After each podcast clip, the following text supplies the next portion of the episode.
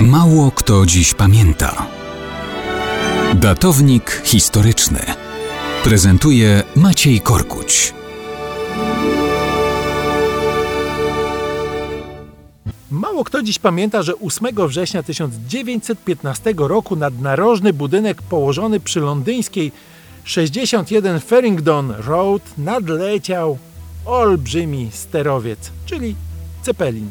To było wówczas niespotykane wydarzenie.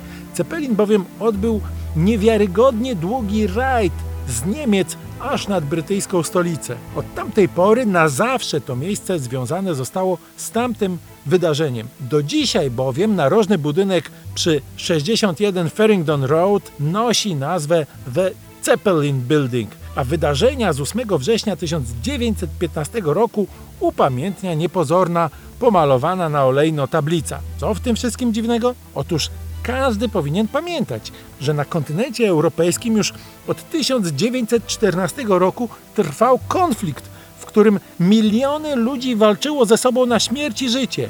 Naprzeciw siebie stały również armie brytyjska i niemiecka. To też przelot we wrześniu 1915 roku olbrzymiego niemieckiego sterowca nad stolicę imperium walczącego przeciw Rzeszy raczej nie mógł zwiastować niczego sympatycznego. I nie zwiastował. Oto ów imponujący pojazd powietrzny nie przyleciał w żadnej pokojowej misji. Z kabiny umieszczonej pod Cepelinem zrzucono bowiem dość olbrzymią, jak na ówczesne czasy, 300-kilogramową bombę.